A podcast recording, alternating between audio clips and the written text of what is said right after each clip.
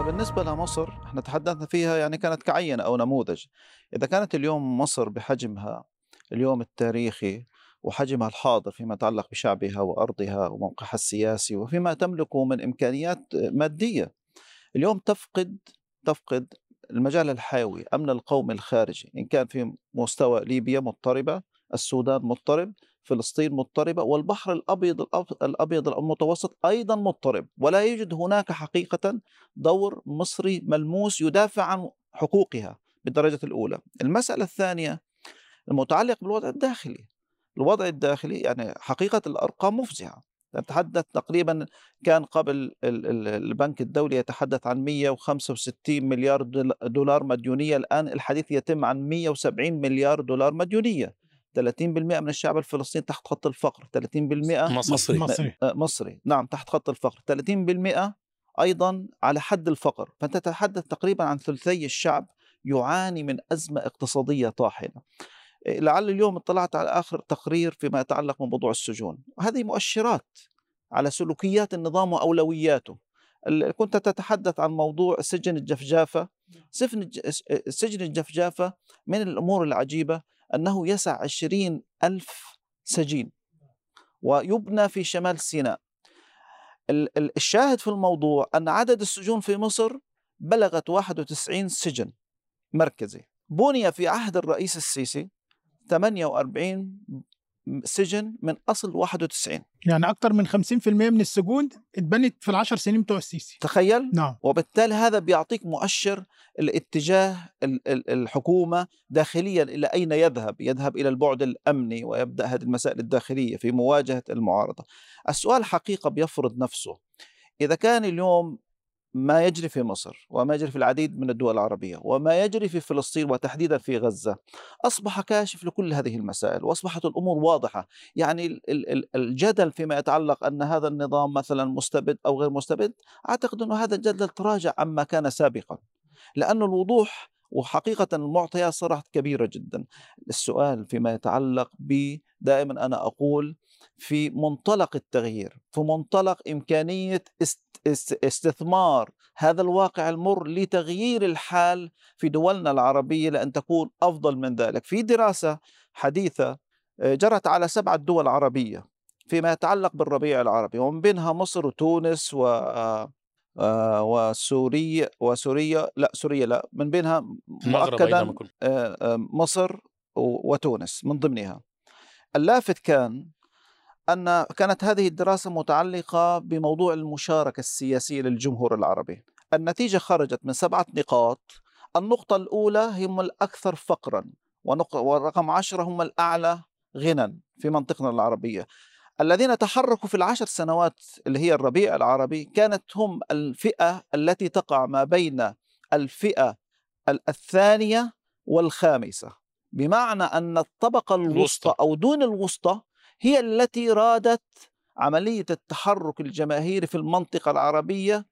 وهذا حقيقة هذا حقيقة. بيجعلنا نتوقف نعود مرة أخرى. هذه الشريحة ما بعد العشرية السابقة عشرية الربيع العربي أنا أعتقد أنها زادت وتضخمت من اثنين لخمسة لأن مستوى الفقر ارتفع وبالتالي الطبقات اللي كانت تعتبر حالها طبقة وسطى طبقة يعني شبه غنية بدأت تنزل في مستوى. هذا يعني أن هناك احتقان موجود لدى الشارع العربي احتقان كبير جدا زاد منه ما يجري في غزة. هنا يبقى السؤال فيما يتعلق بالنخبة. أنا حقيقة ممكن أن أتحدث وأنوب الشعوب العربية وأتحدث عن الشعوب العربية لكن التاريخ يقول أن النخبة هي التي ترود وهي التي تقود. صحيح. الشعوب حاضرة جاهزة. المعطيات قد تكون أعقد وأصعب على الشعوب العربية مما كان قبل الربيع العربي. وهذا يجعلنا من القول بأنه هنا تزيد مستوى المسؤولية عن النخبة العربية. لابد للنخبة العربية حقيقة أن يكون لها الريادة وأن يكون لها الدور في استثمار هذا الأجواء باتجاه الحريات وباتجاه رفض الاستبداد.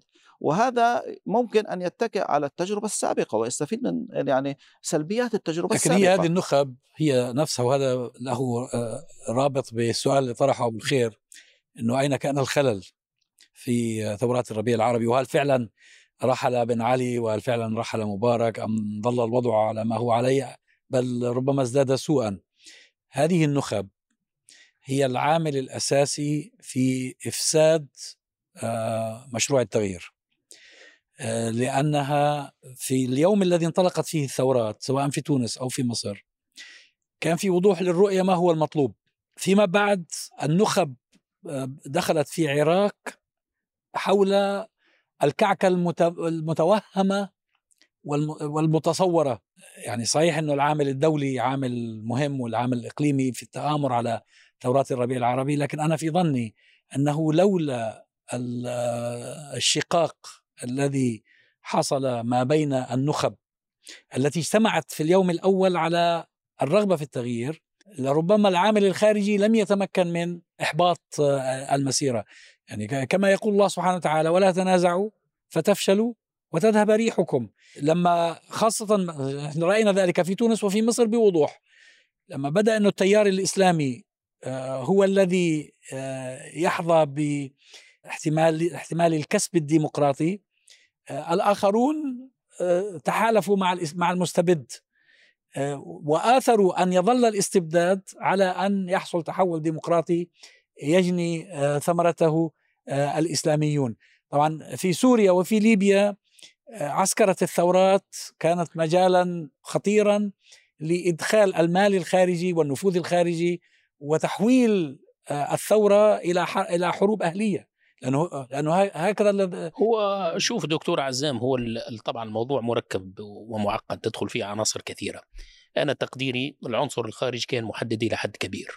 العنصر الخارجي بمعنى استخدام خاصة المال الخليجي تكون محور مضاد لثورات الربيع العربي واستخدم استخدم الموارد والإمكانيات قوة المال قوة الإعلام لعب الدور الرئيسي يضاف إلى ذلك المعطى الدولي طبعا. ولكن إذا كان قيم وتقييم موضوعي أيضا بالمعطيات الداخلية أول شيء فيما يتعلق بطبيعة هذه الثورات. ثورات الربيع العربي كانت نصف ثورات ولا يلام عليها لأن طبيعة الثورات اللي تشكلت يعني جاءت فجئية وما كانش في قيادة سياسية فعلا قادت هذه الثورات.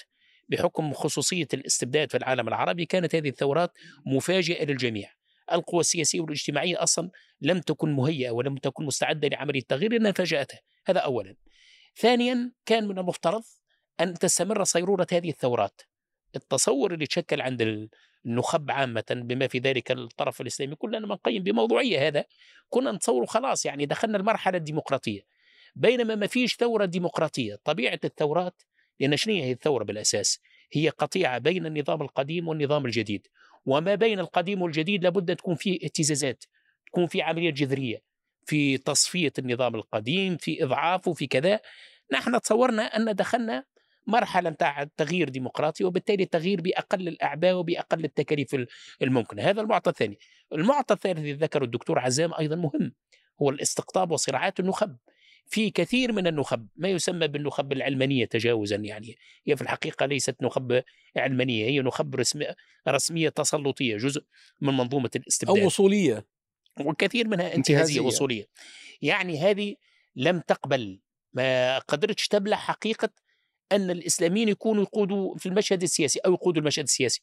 ففعلت كل شيء من مؤامرات من دسائس من تفجير التناقضات الداخلية لضرب هذه الثورات. لكن أنا نشوف الشيء الإيجابي. أولا الثورات لا تموت. الثورات قد تصاب بشيء من الانتكاس ولكن هي مسار معقد من المد ومن الجزر ومن التقدم ومن التراجع. الشيء الإيجابي أن المرحلة التي جاءت بعد ثورات الربيع العربي هي أسوأ بكثير لأن المبرر اللي جاء به السيسي ولا جاء به حتى قيس سعيد الآن تحت شعارات ثورية ولكن ثورية كاذبة هو ثورة مضادة في حقيقة الأمر. لما يقارنوا الناس أوضاعهم بما كانوا عليه خلال الثورات وما هم عليه اليوم. يعني تراجع على جميع المستويات على مستوى النفوذ هذه الدول على مستوى الاقتصادي التنموي الاجتماعي. فالثورات المضادة يعني تمكنت من الانقضاض على الثورة ولكنها شكلت وضع أسوأ. وبالتالي أنا نقول هذا الوضع لا يمكن أن يستمر طويلا ولا يمتلك مقاومة الاستمرار أصلا. ولذلك الثورة فعلا قادمة وطبيعة الثورات يعني ربما تكمن لبعض الوقت ولكنها تعود إلى المسار ربما بشكل أقوى وبشكل أكثر فاعليه مما كانت عليه. فيما يتعلق بالحديث عن النخب وإن كنت أنا شخصيا لا افضل يعني لا لا أستسيغ هذا المصطلح كثيرا بسبب هو صار أمر واقع يعني. آه بسبب بسبب ما ناله هو اصطلاحي هو اصطلاحي أكثر منه تصنيفي لكن يعني. لكن الفكرة الفكرة الأساسية أن ثورات الربيع العربي أصلا عندما انطلقت لم تنتظر النخب ابتداء النخب لحقتها لحوقا وكانت مشكلة أساسية عند النخب عندما نتحدث عن نصف الثورات أن جزءا ممن يتحمل مسؤولية أنها أصبحت نصف ثورات هي هذه النخب هي التي صنعتها أصلا نصف ثورات وجزء أساسي مما جرى آه، صحيح أنه في عندنا آه، ثورة مضادة وفي عندنا تآمر لكن هذه سنة الدنيا أنه دائما الحق في حالة تآمر عليه وربنا عز وجل عندما آه، تساءل المسلمون يوم أحد عن سبب ما أصابهم. آه، لم لم يحدثهم عن المشركين. قال هو من عندي قل هو من عند أنفسكم. ارجعوا اعملوا مراجعات داخلية حقيقية ومصارحات. أنا أعتقد أن من أحد أهم المشكلات الأساسية التي جرت هي ما يمكن أن نسميه النزول المبكر عن جبل الرماة وعن جبل أحد. آه، نحن في معركة المعركة مع الاستبداد معركة حقيقية. عندما ينشغل ال- الجنود في خضم المعركة مع الاستبداد بما يتصورون أنه الغنائم وأنه المكاسب طبيعي جدا أن يقوم هذا الاستبداد بالالتفاف والطعن في الظهر شيء طبيعي. فالفكرة الأساسية أن هناك حالة من وهم التمكين حالة من وهم الانتصار حالة من وهم السلطة التي أصابتنا بشكل كبير جدا. فاستعجلنا الشيء قبل أوانه. النبي عليه الصلاة والسلام لما جاءه خباب بن الأرت قال له ليتمن الله هذا الأمر حتى يسير الراكب من صنعاء إلى حضرموت لا يخاف إلا الله والذئب على غنمه ولكنكم تستعجلون. هي مشكلة أحيانا في استعجال النصر قبل أوانه واستعجال التمكين قبل أوانه. هذه المعركة مع الاستبداد لم تأخذ مداها ولم تأخذ مداها بسبب أن النخبة تتعامل دائما وهذا منطق كثير من النخب أنها تتعامل بعقلنة زائدة مع الأمور. فكرة غياب النخبة الثورية. النخبة التي مارست دورها خلال ال- ال- السنوات الماضية لم تكن نخبة ثورية. كانت نخبة فيها الكثير من البرستيج الثوري مع كثير من العقلنة الدبلوماسية. الأصل أن تكون النخبة في الثورات نخبة ثورية. يعني تحمل النفس الثوري وتحمل الروح الثورية وتحمل الفكر الثوري. فلذلك نحن بحاجة أصلا إلى إعادة النظر في في هذه على فكرة هو. هذا النموذج اللي حصل في الثورة الإيرانية. الثورة الإيرانية في عام 79 لولا أنها صمدت إلى أن استؤصل النظام القديم استئصال كامل. لا لا لانقلبوا عليها. لذلك بشير نافع الدكتور بشير نافع بيتكلم كلام مهم جدا. كان دائما يكرر وأنا كنت أراه دائما يكرر على فكرة أنه لن تنجح ثورة حتى تقتلع النظام الذي تثور عليه من جذوره. فكرة هذا لا، هي لأنه- هو منطق إيه، الثورة هو هذا. منطق هو الثورة. هو منطق هو- الثورة. بقاء الجذور بقاء نظام استبدادي متجذر.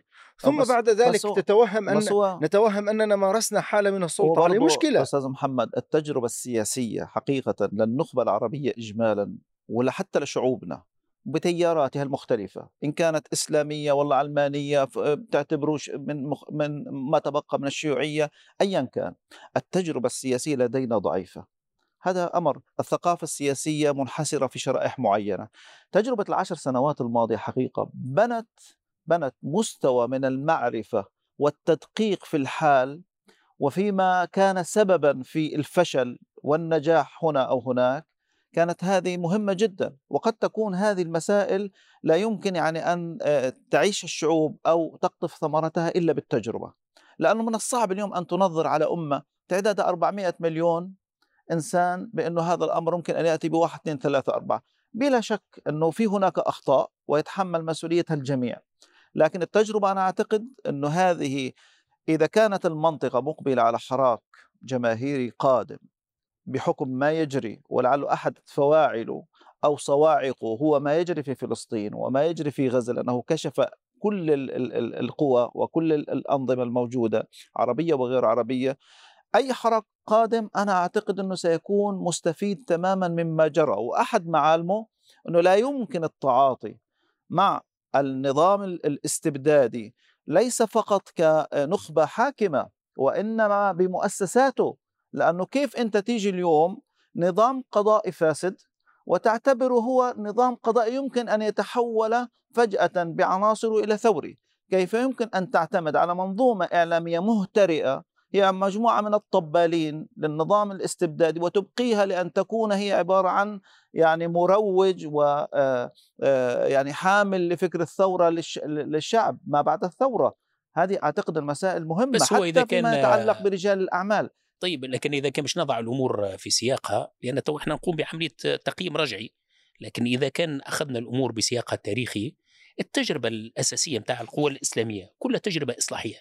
الحركات الإسلامية كلها تشكلت على فكرة المشاركة في السلطة. المشاركة السياسية العامة المشاركة في المشهد السياسي أو المشاركة في السلطة. وكان أقصى طموح اللي يرغبوا فيه الإسلاميين يكون عندهم تواجد ضمن المشهد السياسي أو في في احسن الحالات البرلمان وأحزاب. يعني بعض الحقائب الوزارية. جاءت ثورات الربيع العربي غيرت ليس وقلبت ليس كل الإسلاميين لأنه حزب التحرير آه، على الأقل من الناحية النظرية يؤمن باسقاط النظام. يعني ممكن ممكن نتكلم حزب فقط التحرير عن- يمثل استثناء عن الإخوان يمثل, تحديدا. يمثل استثناء وحتى الثورة حتى الإيرانية سردية بالمناسبة. الإخوان ما فيهاش كده. حتى حتى الإسلاميين آه المنطق الايرانيين الثوري نعم. حتى سردية ال- الإخوان ما فيهاش كده. حتى الإسلاميين الإيرانيين في حقيقة الأمر. ما كانش عندهم مسار جذري من البداية. كان في البداية حبوا يعملوا حتى بعض مصالحات. لما جاء جاب الخميني بني صدر وواحد وكذا على أساس أنه يتعايش مع هذه النخب. لكن أدرك أن الثورة مستهدفة فدفع الأمور إلى حدودها القصوى. تحولت آه، بس إلى بني صدر لم يكن- بني صدر لم يكن من النظام السابق. إي بس هو حب في البداية أن يكون في نوع من المصالحة حتى مع النخب بعض النخب سميها انتقالية. يعني. لكن وجدوا مستوى المؤامرات والدسائس كبير. فاندفعت الثورة إلى حدودها القصوى. اللي حصل في ثورات الربيع العربي أن النخب الإسلامية والنخب الوطنية أرادت التغيير بأقل التكاليف الممكنة. خلاص يا عمي إحنا دخلنا لأن مجرد الانتقال من الثورة إلى الدولة في منطقة الدولة. منطقة الدولة يقتضي أنك تعمل مشاركات سياسية تسويات توافقات. هنا كان هذا صدم بالواقع. هذا هنا هذا الخطأ. ولكن أنا تقديري أيضا المشكلة الأخرى التي لا تقل خطورة بل هي أشد خطورة استغراق كل طرف معناه من قوى الربيع العربي في أوضاعه المحلية الداخلية. يعني التونسي غرق في الوضع التونسي تونسي، المصري غرق في الوضع المصري، نعم. المصري. فجأة اكتشفنا أن الثورة المضادة عندها بعد إقليمي. هم يشتغلوا ببعد إقليمي. كانت ال... يعني مجالس تنسيقية المخابرات الأجهزة الإعلام كله يشتغل مع بعضه البعض. معناه في جهد تنسيقي للإجهاز على هذه الثورات. فأنت حالة قطرية تواجه في حالة إقليمية بل في حالة دولية متشعبة. هذا زاد أيضا إشكال. أنا تقديري السؤال الرئيسي كيف نستفيد من هذه التجربة؟ التجربة فيها مكتسبات ما في شك. يعني وأهم مكسب من مكاسب ثورات الربيع العربي هو بذرة الحرية التي استوطنت العقول والقلوب. مثل ما ذكر الدكتور قبل ذلك يعني الشعوب تجرأت على التابو هذا على المحرم الاستبدادي العربي. كان ينظر لمبارك وينظر لبن علي هذه كائنات مقدسة لا يمكن أن يعني أن تتغير بأي حال من الأحوال. خاصة وأن النظام الدولي يعني كان داعم بقوة لاستمرارية هذه الأنظمة وصار في حديث على عملية التوريث كيف مبارك يورث ابنه جمال كيف القذافي يورث ابنه سيف وهكذا. يعني ضمان الاستمرارية السياسية لأنظمة ال- الاستبداد العربي. لكن ثورات الربيع العربي قوضت هذه المنظومة السياسية وبنت وضع جديد لكن بالتأكيد القوى السياسية تعاملت بروح إصلاحية مع وضع ثوري وهذا اللي خلاها الثورات نصف ثورات قبل حقيقة قبل. حوالي ثمان سنوات تقريبا التقيت مع مجموعة من الشباب في إسطنبول ويومها كتبت مقالا عنوانه سايكس بيكو تشب في إسطنبول قلت فيه وأذكر فيه جيدا إنه عندما كنا في بل في بلداننا كنا نظن أن آه، سايكس بيكو عبارة عن حدود آه، على. الورق وفي الجغرافيا وأن الذي رسمها الطغاة المستبدون وأنهم هم الذين يحولون دون تواصلنا مع بعضنا البعض. شاء الله عز وجل أن يهجر أن تلقي كل بلد بفلذات أكبادها إلى آه، خارج خارج حدودها وجاءت ال- النخب في عمومها إلى اسطنبول في من كثير من بلدان الربيع العربي من فلسطين ومن مصر ومن اليمن ومن تونس ومن العراق ومن ليبيا ومن اليمن. هنا اكتشفنا أن الناس تشرنقت حتى ضمن سايكس بيكو فاكتشفنا أن سايكس بيكو هي في عقولنا وقلوبنا وليست قضية استعمارية بحتة هي قضية فكرية. لكن في حالة تمرد واسع يا دكتور دلوقتي. وجدنا وجدنا المصريين بيشتغلوا وحدهم والفلسطينيين بيشتغلوا وحدهم والسوريين بيشتغلوا وحدهم والعراقيين وحدهم وال... والليبيين وحدهم. وبينما الثورة المضادة عندها غرفة عمليات مشتركة هي تحارب الجميع. هي تحارب الجميع دفعة واحدة وإحنا نقابلها أشتاتا. هذه أحد أيضا المآزق. ربنا عز وجل قال وقاتلوا المشركين كافة كما يقاتلونكم كافة. أي قاتلوهم مجتمعين كما يقاتلونكم مجتمعين. هذا معنى الآية. هم ي... ربنا يبين لنا أنهم يواجهوننا مجتمعين متحدين.